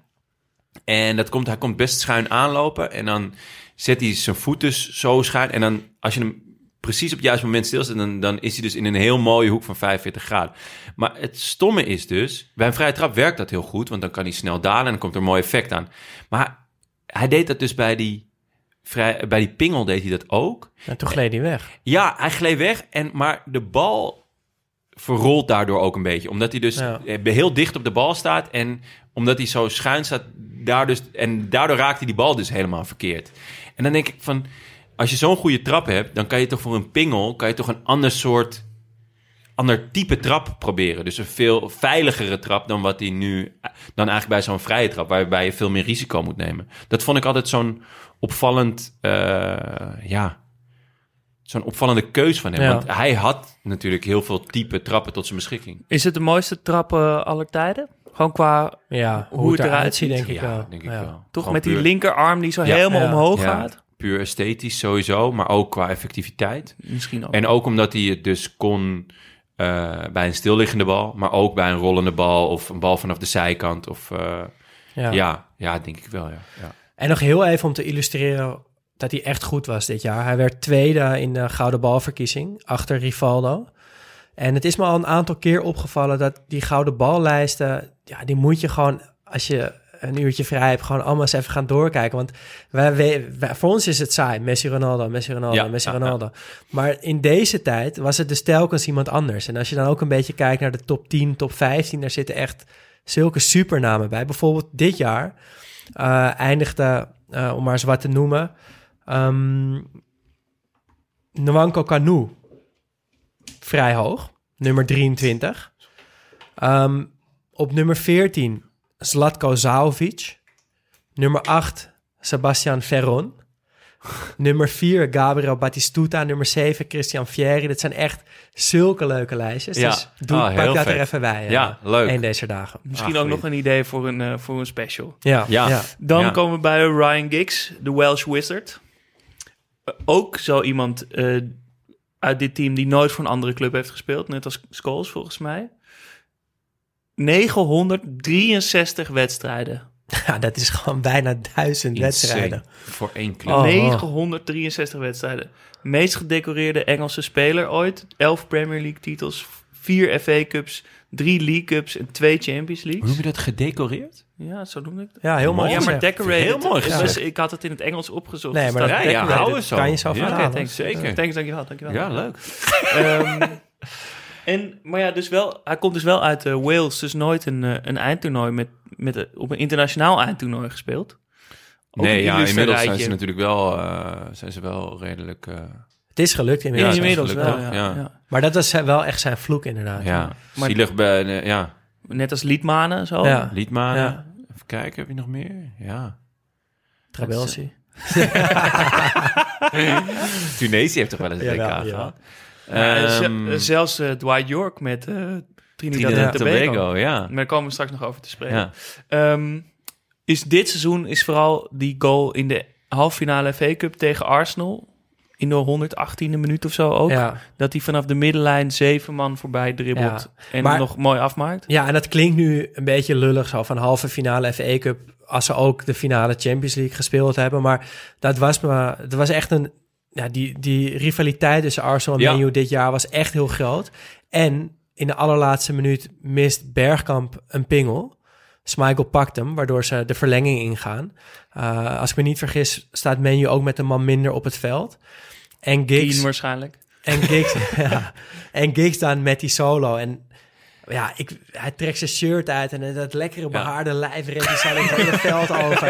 En het zijn echt fantastische beelden. En het, het Ja. is echt een, Echt een soort van groundbreaking moment geweest. Ook dit Nou ja. seizoen. Van, Sowieso die, die hele rivaliteit tussen Arsenal en Manchester United. ehm, om heel eerlijk te zijn, mis ik dat wel een beetje momenteel Ja, in, zeker. de, in de huidige Engelse competitie. Omdat het zoveel ploegen zijn die nu, ehm, ja, eh, door geld eh, ontstaan zijn. Er is een top 6 in plaats van een top 2 of 3, want Liverpool Maar zit dat vinden we toch fijn, dat dat veel clubs zijn die meedoen. Eh, jawel, maar het is... Ja, Omdat maar die er, omdat het rivaliteit is er op papier gewoon nog, nog steeds. Alleen Die je ja, voelt die- het niet meer. nee, Want- klopt, dat- maar- maar- je hebt types als Keane en Vieira nodig om dat aan te wakkeren. Klopt, maar nu, is dus, nu gaat het tussen eh, City en... Nou, wie, werd er tweede, wie staat er tweede in de Premier League momenteel? Je hebt Liverpool, Le- nou Menu staat tweede, maar Ja. dan heb je nog Leicester, Liverpool. Ja, je-. Ja. ik weet niet waarom, maar de... Ja, de, rivaliteit tussen Harry Kane en eh, eh, wie hebben we nog Ja, meer? Is gewoon niet, Mahrez nee, spreekt wat zo minder is- tot de verbeelding. ik weet niet, ik, eh, het was toen gewoon... Ja. niet, niet om te zeggen, vroeger was het beter, dat is natuurlijk helemaal niet zo. Maar ehm, die, die, die moordende strijd tussen deze twee ploegen... eh, het zorgde namelijk ook voor dat ze allebei naar een hoger plan gingen. Zeker. Want uh, Menu, nou ja, Menu beleeft dit seizoen. En twee seizoenen later ontstaan de, de of twee, drie seizoenen later ontstaan de Invincibles. werd nu al aan gebouwd eigenlijk. Ja, inderdaad. Dus ehm, ook met trouwens met twee coaches die lang blijven zitten. En Ja. daardoor ook echt een, een gezicht aan de club geven, een karakter aan de club geven. En twee coaches die dus allebei ja, gewoon heel veel moeite hadden met het vinden van een goede keeper. Ja. Maar goed, Ja. eh, hij stopte dus op 40-jarige leeftijd. Werd toen meteen ook interim manager bij Menu. En is nu vooral bekend vanwege seksueel misbruik. Volgens mij is het helemaal geen leuke man. Maar Nee. daar gaan we verder Dus niet laten eh, we het over snel hebben Ja. over Nee. het iconische duo voorin. Want dat is denk ik ook met grote overmacht verkozen door onze luisteraars... toen wij vroegen wat is het Ja. mooiste duo ooit. Andy Cole en Dwight York. Eh Andy Cole speelde alleen maar in Engeland. Maar dan wel dus een enorme reis. Arsenal, Fulham, Bristol, Newcastle, United, Blackburn, Fulham, City, Portsmouth, Birmingham, Sunderland, Burnley en Nottingham. Wauw. Dat Nog is wel eh, echt... Dat is wel echt een lekker voetbalpaspoort. Ja. Ja, dan en lekker wel- Brits. Ja, echt. Dan heb je ook wel echt veel mooie eh, klassieke clubs gehad hoor. In, eh, met Newcastle, Nottingham en eh Menu. En eh, misschien niet genoeg gewaardeerd, want was ook een irritante spits. Als hij, het niet echt, eh, als hij niet echt in vorm was of niet naar zijn zin had, dan deed hij helemaal niks. Maar was eh, in het seizoen bijvoorbeeld 93, 94 topscorer en had de meeste assists. 34 goals, 13 assists. Oh, dat dat, is toch- dat, dat is echt de droom van iedere toch? speler als je Ja. op Ja. allebei de lijstjes op één staat. ja. Eh, nummer drie meeste eh, Premier League goals na Shearer en Rooney met 187. Maar scoorde maar één pingel. Shearer bijvoorbeeld 56. Dus, wow, wie, wie nam ze dan bij Manchester? Eh, ja, die Irwin volgens mij. Oh, Ja. linksbackie gewoon. Ja. Ehm, Maar ik vind dit, vind ik, eh, dit, vind ik nogal, dit vind ik nogal wat ja, dit hè? is echt groot. Ja. En eh, had ook een hoger eh, doelpunt per wedstrijd gemiddelde dan Shearer. En dan ook nog 127 assists in zijn carrière. Ja, Ja. dat zijn... Het zijn echt Hij is echt- ongekende statistieken. Maar dat heb je dus ook. Dit is ook weer een soort van beeldvorming. Want als je dus dan niet nummer één op die lijsten staat, of twee, weet je, dan word je toch een beetje vergeten. Terwijl als Ja. je deze statistieken dus even goed analyseert, dan is dit veel meer waard dan Shearer met 56 penalties. ja. Nou, en heeft trouwens ook maar 15 interlands gespeeld waar hij maar één goal maakte. Eh, want dan had hij Owen voor zich. Owen en Sheringham en nou, nog meer. Ja, Rooney Raar, later, wel opvallend ook, hoor. ook opvallend. Ja. Ehm, Ja, wel echt weinig. Na zijn carrière trouwens wel heel ziek geweest en een niertransplantatie nodig had. Eh, Nou, nog steeds niet helemaal van genezen. Hm. Eh, maar naast hem natuurlijk Dwight York, de Smiling Assassin. En wat nu een vette bijnaam, hè? En zijn andere bijnaam, en dat is denk ik het hoogtepunt voor mij van deze aflevering, is dat zijn andere bijnaam Andy Cole is. ja, dat is zo goed. de bijnaam van Dwight York is Andy Cole. Maar hoezo is dan de bijnaam van Andy Cole niet Ja, Dwight York? Dat kan ik dus nergens vinden, maar dat moet dan toch wel zo zijn. Ja, dat lijkt me ook... Dat kan bijna niet Nou, anders. echt een, he- echt een En anders heerlijk droppen hem bij deze, toch? Ja. Dat vind ik ook heel vet. Dit vind ik echt zo leuk. Ja, echt kunnen alleen Britten, toch? Ja. Dit soort dingen. Ja, echt. Eh, maar kwam dus uit Trinidad en Tobago. Letterlijk van het strand geplukt om in Engeland te gaan voetballen. Kwam uit een heel arm gezin. Was krabbetjes vangen op het strand om voetbalschoenen te betalen. En mocht een vriendschappelijke wedstrijd meespelen. Toen Aston Villa een pre-season tour deed. Op Trinidad en Tobago. Ja, ik weet het ook niet precies. Je hebt het- Eh, je- jij verzint het allemaal zelf, niet? Ja, ik moet het toch een beetje jeu aan geven. Die Andy Cole, dat is ook helemaal niet, dat is helemaal niet zijn bijnaam. niet ja. zijn bijnaam. Nee, de Smiling Assassin. Ja. Nee, maar dus, ja, nee, wel ook Andy. Vet. Ehm, maar coach Graham Taylor van Aston Villa, die was vooral onder de indruk... omdat hij nog nooit had- iemand had zien voetballen... die de hele wedstrijd aan het lachen was. Hij, hij voetbalde dus met een lach Ja. op zijn gezicht. Vet. Speelde daarna dus ook acht jaar bij Aston Villa. En daarna eh, de, de samenwerking met eh, York. Wat trouwens ook nog een leuke roddelhoekje is. Om, eh, Oh, leuk. Ja. hij kreeg een, een zoon met naaktmodel en Engelse Pamela Anderson, Katie Price. Ik weet niet of jullie die kennen. Zeker. Ja, dus, neem aan dat hij gewoon op onze Insta komt. Ja, er zijn heerlijke foto's van te vinden ook, van hun samen. Kreeg eh, met, hun, met haar een zoon, maar het ging al tijdens de zwangerschap uit. En die is zwaar gehandicapt. Bijna helemaal blind, autistisch en het Prader-Willi-syndroom. Ik weet er niet precies wat van. Maar die zoon is dus 2,5 meter groot en net zo breed. Het is echt een enorme gast. En dat komt dus door dat syndroom en zwaar autistisch. Wow. Ehm, maar eh, York heeft die zoon nooit willen kennen. Helemaal genegeerd. Ehm, neemt de telefoon niet op, doet de deur niet open. Die Katie Price is blijkbaar daar wel mee bezig. En vooral ook de Bri- Britse tabloids. Het is dan uiteraard. toch... eh, Dat doet wel ja, een beetje af. Ja, net Is als bij Dix natuurlijk. Want Ja. hij ging de, aan de lopende band vreemd. En Ja. was dus echt een playboy. En, eh, hij lachte, daar deed het vriendelijk bij. Maar ja, was dat is wel slim dan. toch buiten het veld Ja. niet een hele lieve. Jammer. Maar goed, Jammer. een iconisch duo samen Ja, met... eh, wat, ja, ongekend duo. Ja, Ja. scoorde dit eh, seizoen 53 doelpunten samen. En het hoogtepunt was de wedstrijd in de poolfase tegen Barcelona. Ja, Eh, met 3-3. die goal. Ja. En s- Met geven het ze elkaar dus overstapje steeds assist. 1-2. Ja. Ja. En zij zeggen zelf dat hun, hun geheim was dat ze dus echt niet uitmaakten wie van hun scoorde. Ze gaven net zo lief een assist op elkaar als dat ze, als Ja. dat ze zouden scoren. En dat zie je ook. Ja. Geloof ik wel, ja. ik geloof zeker. ook. Ik zat er net ook even over na te denken van wat maakte hun nou zo'n goed duo, behalve dat ze gewoon alle twee supergoeie voetballers waren. Maar ik denk inderdaad dus dit aspect. Ja, Ja. want ze En waren ook best wel gelijk. Hè? Ze Ja. hadden, waren allebei best wel, best wel snel, Precies. goede afmakers. eh. Je ziet het ook gewoon terug in de koppers. cijfers, dat die goals en assists gewoon redelijk eerlijk Ja. verdeeld zijn. Ja, dat, is, dat, is, dat moet ook haast wel als je zo'n goed duo bent. Dat het, dat het echt om het even is. Schitterend. Nou, dan gaan we nog even snel naar de, naar de bank. Ja, die zullen we niet allemaal uitgebreid bespreken, maar er sta- zitten wel eh, leuke namen op. Eh, Nicky Butt, eh, Phil Neville, Teddy Sheringham.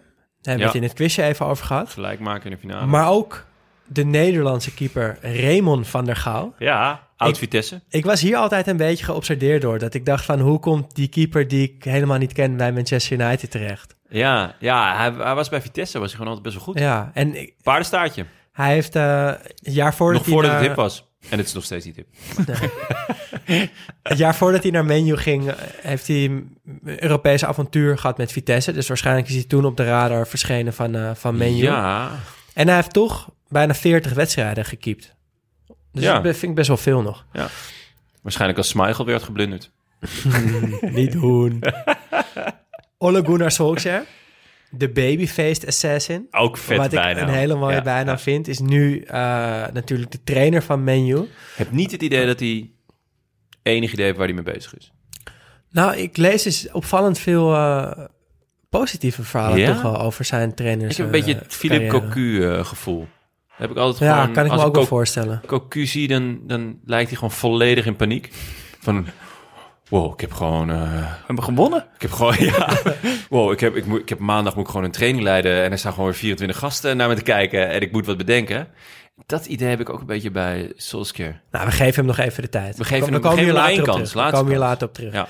Wat heel opvallend was, vond ik, was dat Erik Nefland onder contract stond bij Manchester United rond deze periode. Ja. Dat is natuurlijk de spits die eh, voor Groningen heel veel doelpunten heeft gemaakt. Ehm, hij speelde wel maar één officiële wedstrijd voor Menu. Ehm, maar ik heb dit nooit geweten dat hij eh, drie jaar onder contract heeft gestaan bij Manchester Oh United. nee, oh ja, dat wist ik wel. Dat was Nou, altijd wist eh, ik ook niet. het ding van... Ja? ja, zij haalde hem, eh, Groningen, eh, voor best een bedrag volgens mij nog zelfs.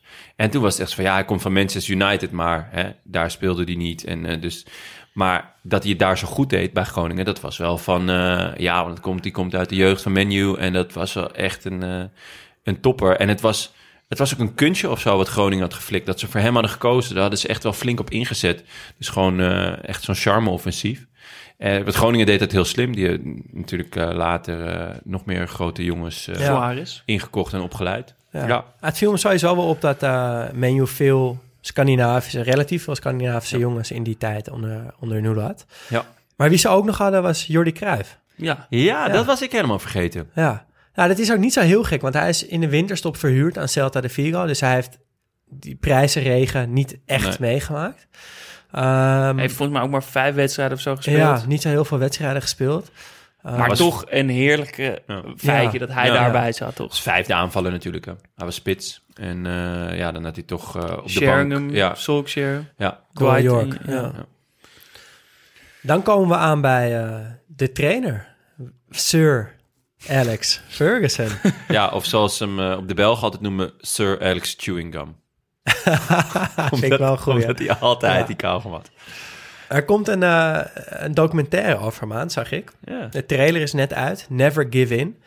Ehm, aanleiding is dat hij een aantal jaar geleden een hersenbloeding kreeg... en dat hij als de dood was, dat hij al zijn eh, herinneringen kwijt zou zijn. Ehm, dat was dus niet het geval. En toen heeft hij met zijn zoon, documentairemaker, bedacht... oké, we gaan dit nu vastleggen. Ja, vet. Eh, dus ik ben wel heel benieuwd eigenlijk naar die Ja. documentaire. Klinkt goed. Ehm, hij, ja, natuurlijk een verschrikkelijk succesvolle trainer voor Menu, maar ook in Schotland was hij al heel succesvol. Hij is namelijk drie keer kampioen geworden met Aberdeen. Ja, Hey. dus niet met Celtic, Ja. niet met Rangers, maar met Aberdeen. Nou, dus de kans is niet 50-50 dat je eh, kampioen wordt. Nee, maar wel echt bijna. 49, Want 49. de laatste keer was dus in 1986 dat een andere club dan Celtic of Rangers kampioen Zo. werd. En dat was dus Sir Alex met eh, Aberdeen. Ehm, in 86 werd hij al manager bij Manchester United. In 2013 zwaaide hij af. Dat is dus echt Absurd. echt heel erg lang. Ehm, het begon vrij moeizaam. Eh Menu eindigde voor zijn komst eigenlijk altijd wel in de top 4, wel zonder kampioen te worden. Eh, de eerste jaren van Ferguson waren echter een stukje slechter, met als dieptepunt 89-90 toen ze dertiende werden. Ehm, er was veel kritiek, veel supporters eh, wilden hem weg hebben. Ehm, maar hij won de FA Cup. En dat is achteraf gezien een beetje wat hem op die plek eh, heeft doen laten zitten. Het jaar daarna was nog steeds heel wi- wisselvallig, maar wonnen ze wel de UEFA Cup door het eh, Barcelona van Cruijff te verslaan. Ehm, Dream Team. ja, in 92 werd Cantona aangetrokken en dat veranderde de boel eigenlijk. Eh Menu werd voor het eerst sinds 26 jaar weer eens kampioen. Een jaar later werden ze weer kampioen, kwam Keane ook naar de club.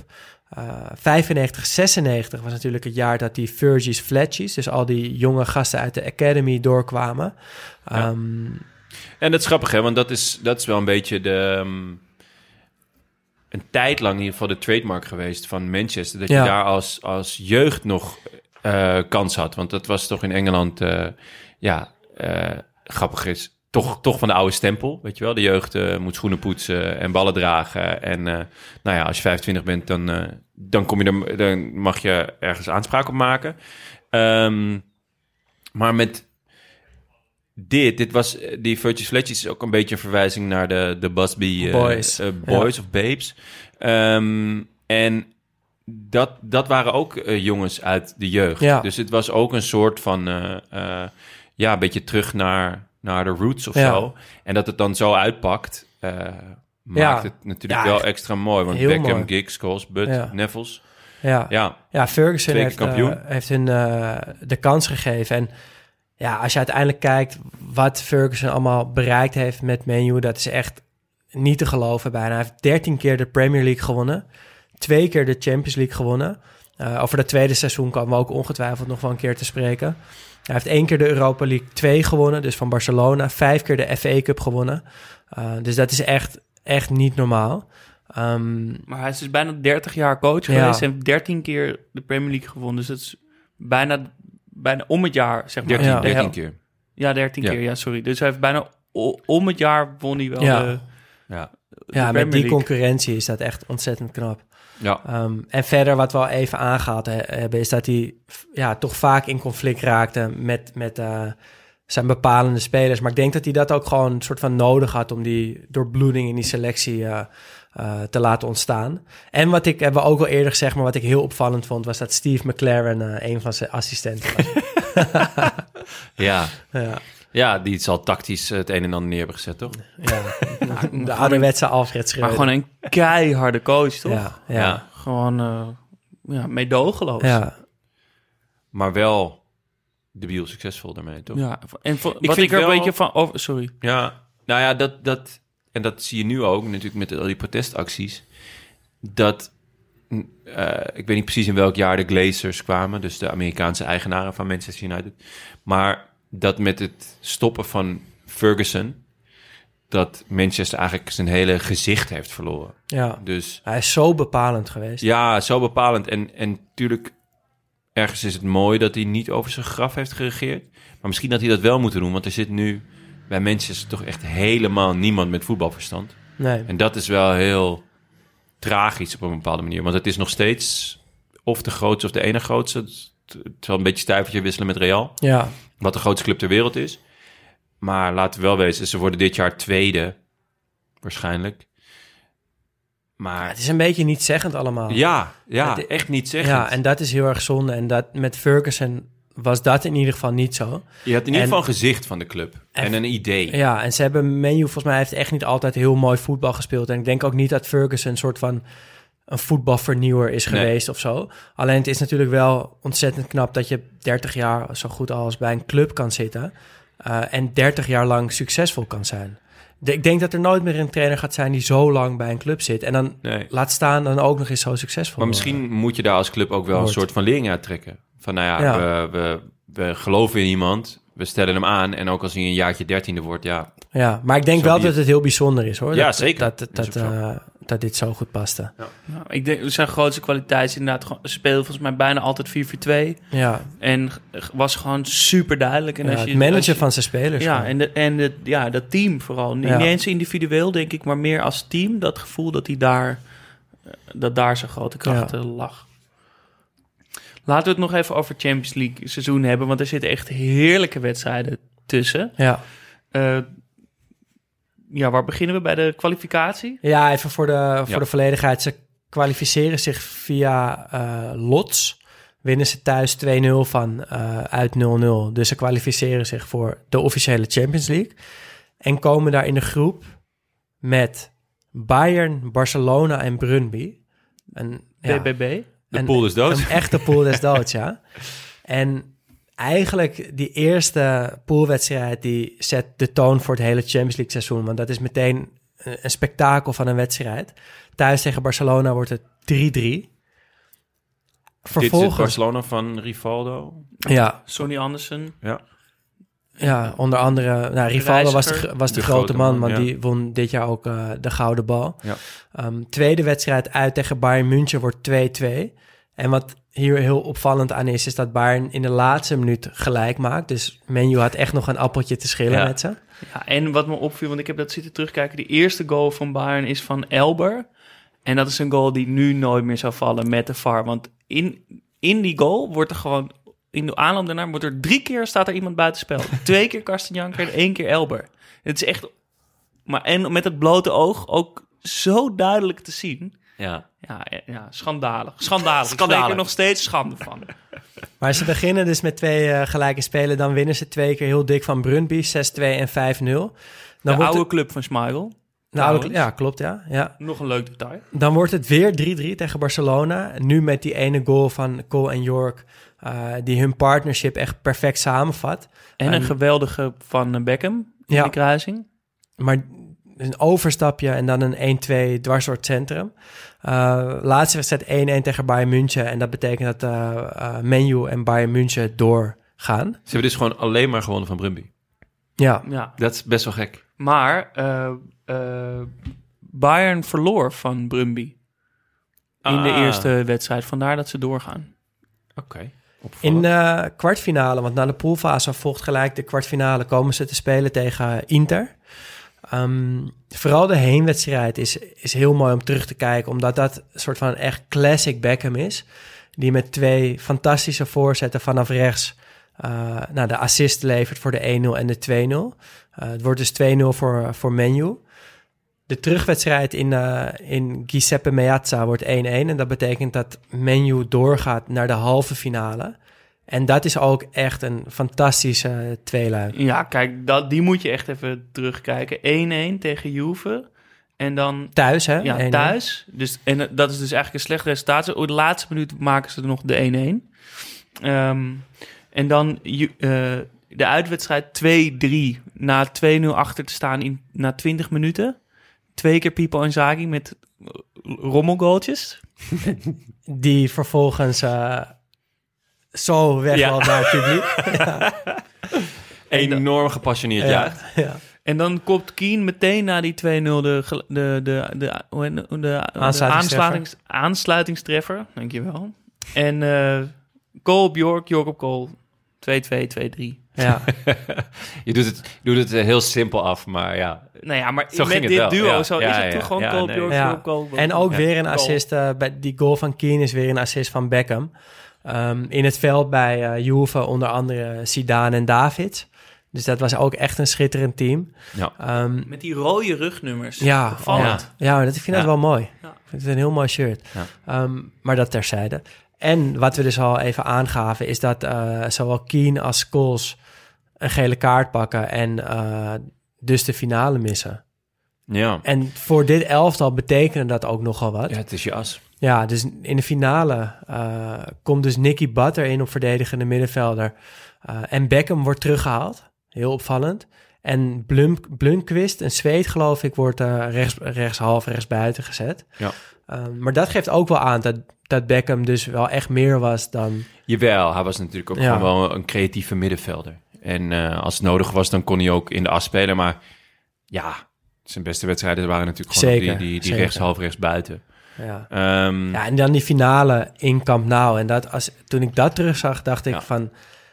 Dit is soort van echt de perfecte omstandigheden. Gewoon zo'n, Ja. weet je, wat warmere... 64% lucht, Ja, nee, maar dat-. Vandaar dat het in de quiz hadden. dat stadion, eh, die clubs tegen elkaar, Ja. eh, die kleuren, dat veld, echt zo mooi. Ja, en dan al- dat scoreverloop. Ja, en dan...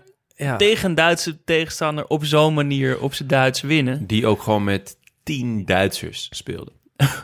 en serieus Ja, hadden, echt. geloof ik... Ja. eh, want alleen Koufour niet. Koufour niet, dat was een genees. Maar in de hele selectie zaten maar drie Salia- nee, niet-Duitsers. ja. Salihamidzic en... En Dai.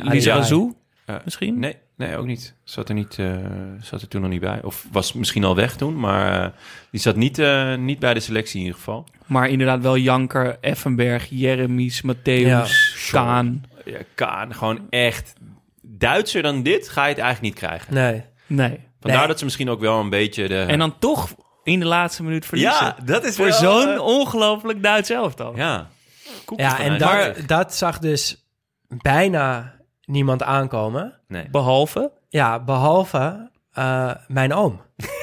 ja. Ja, want we hebben jullie een, eh, een buitenlandse inzending beloofd. En die komt dus eh, van mijn oom, wat een diehard Manchester United fan is. En ehm, nou, een heel mooi verhaal heeft over, over deze finale, waar jullie nu eh, even naar gaan luisteren.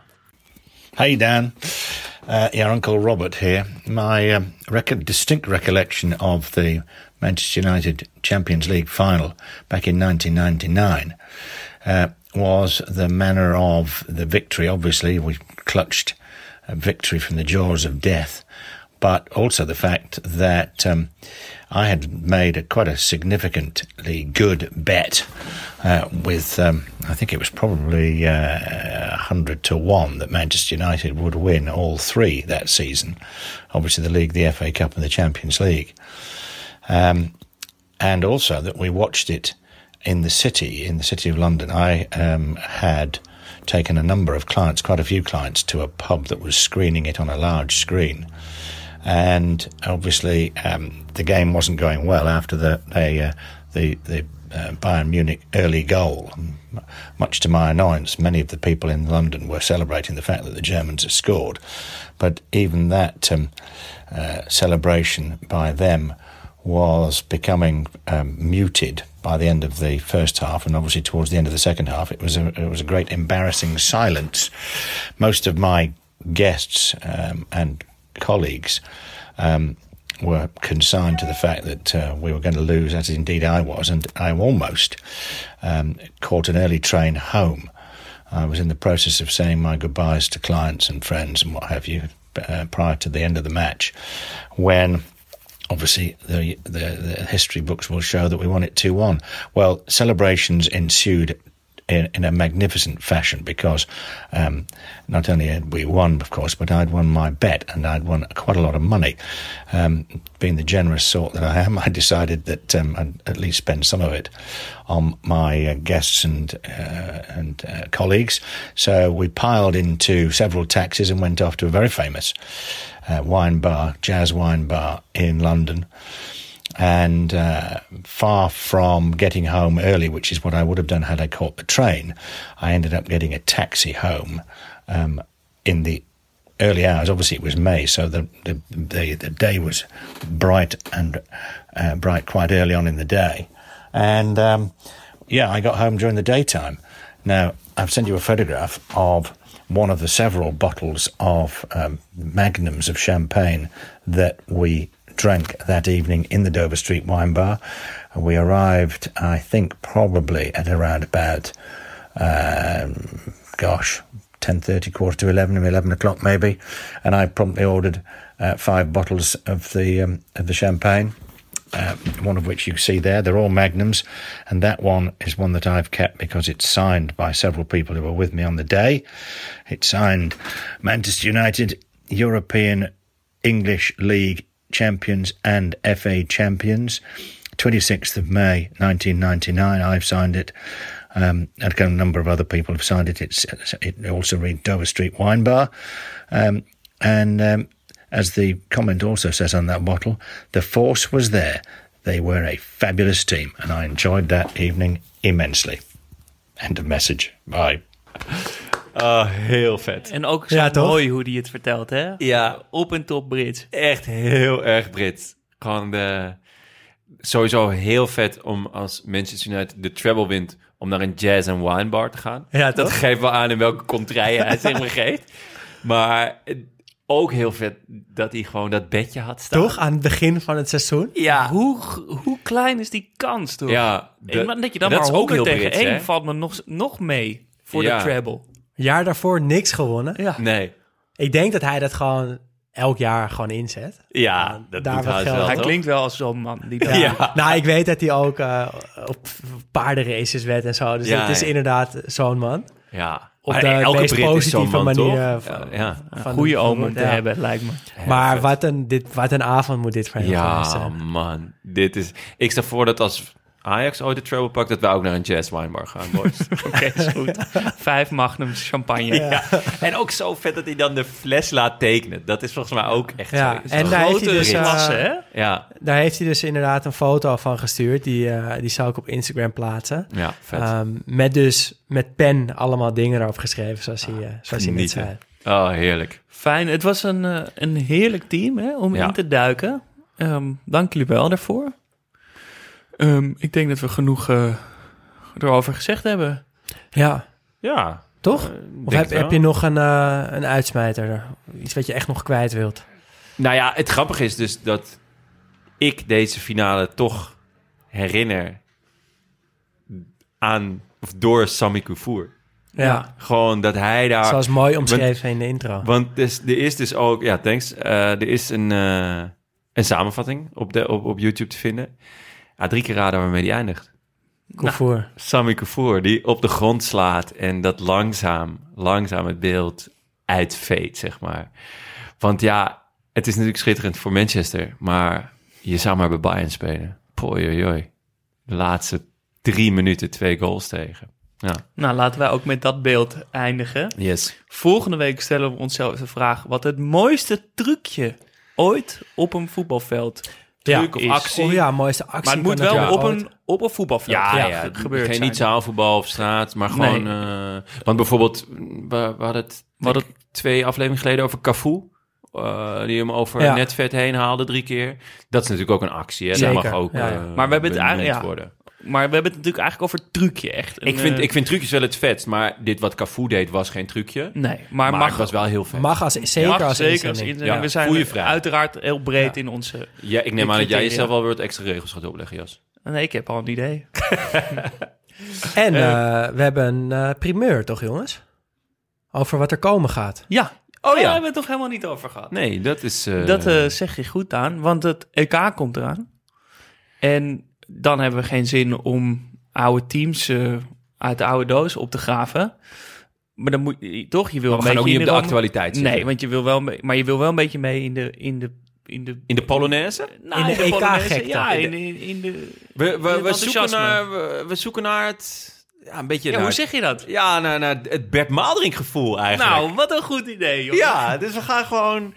We gaan, wij gaan met z'n drieën op zoek naar, ja, naar het Bert Maalderink gevoel. Want ja, het is... eh, ja, als je aan, het, aan een eindtoernooi denkt, dan denk je gewoon aan die reportage. Ja, precies. En wij zijn natuurlijk een beetje in de, in de marges, in de context van het voetbal bezig. Daar ligt onze liefde, de Ja. romantiek en de cult eromheen. En dat wordt dan moet je net Bert Maalderink hebben natuurlijk. belichaamd, precies, door, door Bert Ja. Ja, op zo'n toernooi. Want dat, ja, die reportages op een saaie trainingsdag met een gesloten training, dat je Ja, eigenlijk vind niks kan zien, zijn toch nog steeds geweldig. Dat Misschien zijn- wel zijn beste. Ja, dat zijn mijn fijnste momenten. Als het een besloten training en Bert gaat toch nog proberen om door een kiertje een glimlach op te vangen van Wijnaldum. Ja. Of, eh, Dus eigenlijk wat Bert doet bij die trainingen is op zoek naar dat ene vleugje schoonheid dat ergens verborgen zit. En dat gaan wij ook tijdens de EK. Ja. Dus we pakken heus af en toe wat actualiteiten mee. Maar het gaat ons vooral om die ene aanname in die wedstrijd. Of dat het allermooiste shirt van het EK. Of eh, het leukste interview Ja. op BBC. Of Ehm, eh, de NOS heeft ook altijd een mooi eh, EK-nummer. EK-WK-nummer. Dus ehm, even een rondje langs de Europese velden. Kijken of, eh, of die andere tv-stations dat ook Ja. eh, kunnen. dus op Nou, die manier het- gaan het- we het EK beschouwen. Het gaat zich vanzelf wijzen, maar met het EK zijn wij er dus dan ook. En dan met e- speciale EK Bert Maaldering eh, gevoel. Ehm, maar ondertussen gaan we gewoon door waar we gebleven waren. Ja. Met dit soort teams. Eh, straks nog een blessuretijd. Weer in de Engelse. Weer een familie van eh, Daan, maar net zo mooi. U luisterde naar Studio Socrates. Gepresenteerd door Daan Sitorius, Jonne Seriese en mezelf, Jasper Gottlieb. Vond je het leuk? Abonneer je dan en laat een review achter, zodat we makkelijker te vinden zijn. Heb je zoiets van, ik zou wel meer willen doen? Trek dan, zoals Jonne zou zeggen, de poeplap en steun ons via vriendvandeshow.nl slash Studio Socrates, zodat we meer shows kunnen blijven maken. En eindelijk, uiteindelijk zo groot worden dat jullie nooit meer naar Jack van Gelder of Joep Schreuder hoeven te luisteren. Ja, dat is toch een nobel doel? Zeker. Nooit meer Joep. En heb je een andere vraag of verbetering, slide dan in onze DM op Instagram, studio laagstreepje Socrates, of stuur een spraakbericht via vriendvandeshow.nl slash studio Socrates. En de vetste spraakberichten maken kans om in blessuretijd afgespeeld te worden.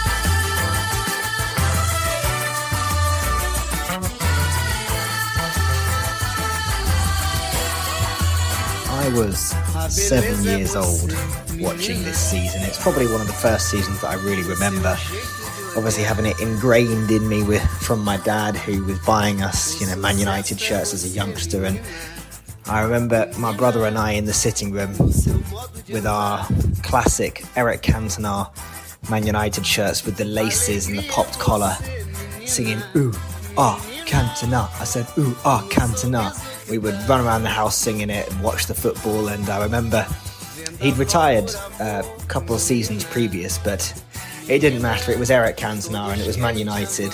We were we were becoming one of the best forces in England, and uh, you know we bought some fantastic players around that time, specifically Jaap Stam, who having a Dutch mum was uh, was really nice to see a Dutch guy come into the team. and gave you an extra reason to support you support Man United, and of course it was the last season that Peter Schmeichel played at uh, at Old Trafford, and of course we all remember the 1999 final, which was his swan song. What a way to go out!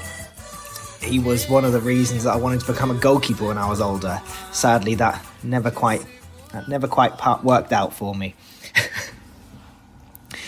Specifically the, the the games that I remember. Of course, the memorable ones were the Champions League final, which was just epic. One of the best. I still remember watching it, even at the age of seven. I remember watching it, and of course, Ole Gunnar Solskjaer scoring the goal which sent us through to be champions. It was phenomenal, and uh, seeing him now back at the club is is it's great to see. The other match I remember really well was um, again it was Ole Gunnar Solskjaer who was one of the heroes. It was the eight one victory at Nottingham Forest, who previously was supposed to be one of the best teams. We beat them 8 1, Solskjaer scoring four goals as a substitute. And when you see someone who's come from nothing really, looks like a looks like a really young guy as well as a youngster, watching one person score four goals, the enter- for entertainment value alone, it's absolutely it was insane watching it. Goal after goal after goal after goal. And of course, there's York and Cole, the ultimate partnership for three or four seasons. There's there's so much that I remember from that era, and especially those that season. That uh, you know, I've, I've watched wa- watched it on YouTube hundreds of times. Just parts of that season: Sheringham, Cole, York, Solskjaer, Roy Keane. It, it is absolutely epic, and I would I will never ever forget it. What a season! And thinking about it right now is putting a big smile on my face. You know what? Now that this voice note's going to finish, I think I might watch it all over again.